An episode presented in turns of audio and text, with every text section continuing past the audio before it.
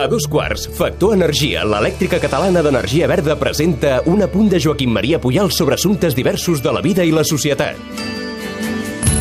Bon dia, audiència. Avui és dimarts 4 de juny. La Mònica fa el programa des de Madrid, però jo sóc a Barcelona. Aquest cap de setmana passat, en la intimitat familiar i dels amics que l'estimaven, tingué lloc al tanatori de les Corts de Barcelona al comiat del dibuixant Josep Maria Blanco Ibars.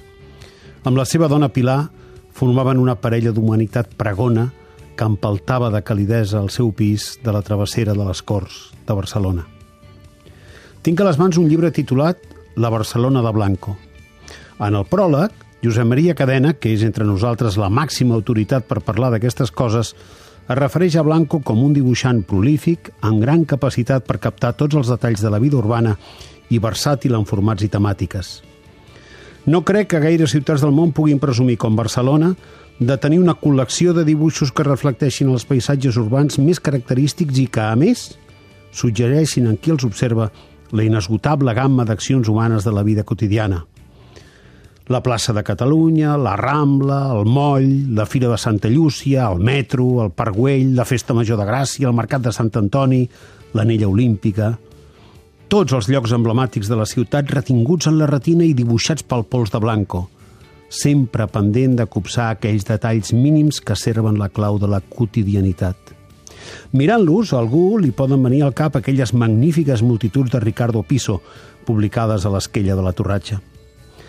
La humilitat de Blanco només era comparable al seu talent – Reconeixia Urda, Muntanyola, Castanys, Coll o Benejam en qualsevol conversa on es parlés de l'èxit d'aquell TVO que en el record popular representava la família Ulisses, un exponent social de la Barcelona de mitjan segle passat que havia creat el ciutadellenc Marino Benejam i que Blanco, amb generositat immensa, va continuar dibuixant quan el seu company va perdre la vista, però que, per respecte a l'amic i col·lega, no va voler firmar mai.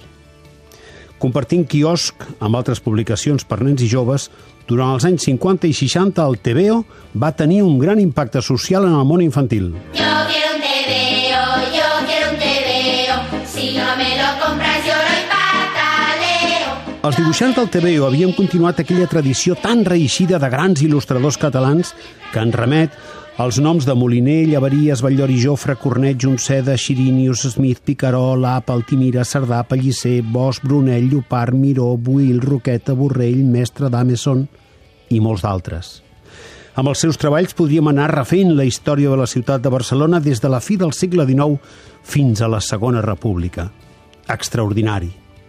Ara, a l'època del 5G, la imatge en moviment, transmesa en directe o enregistrada, i també la fotografia, li han tret al dibuix el valor del testimoni documental, més enllà de situacions com els judicis on les càmeres operen amb restriccions.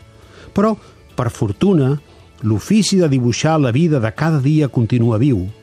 Anomenem ninotaires a aquells que amb el seu traç donen el contrapunt a la informació literària – a banda dels de la premsa comarcal, en són prova regularment els treballs de Fer, Toni Batllori, Miquel Ferreres, Cap, José Luis Martín, Jordi Soler, Juan Josáez, Manel Fontevila i d'altres en la premsa barcelonina d'avui.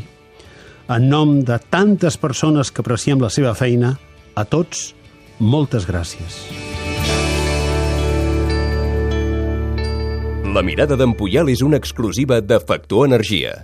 En Manu, el Minimans, Manis pels amics, no, no ha contractat la llum a Factor Energia i no, no s'estalvia un 12,5%. Manu, contracteu tots la llum. A factorenergia.cat i no farem més anuncis. Per fi hi ha una altra llum. Factor Energia. Empresa col·laboradora amb la Barcelona Equestrian Challenge.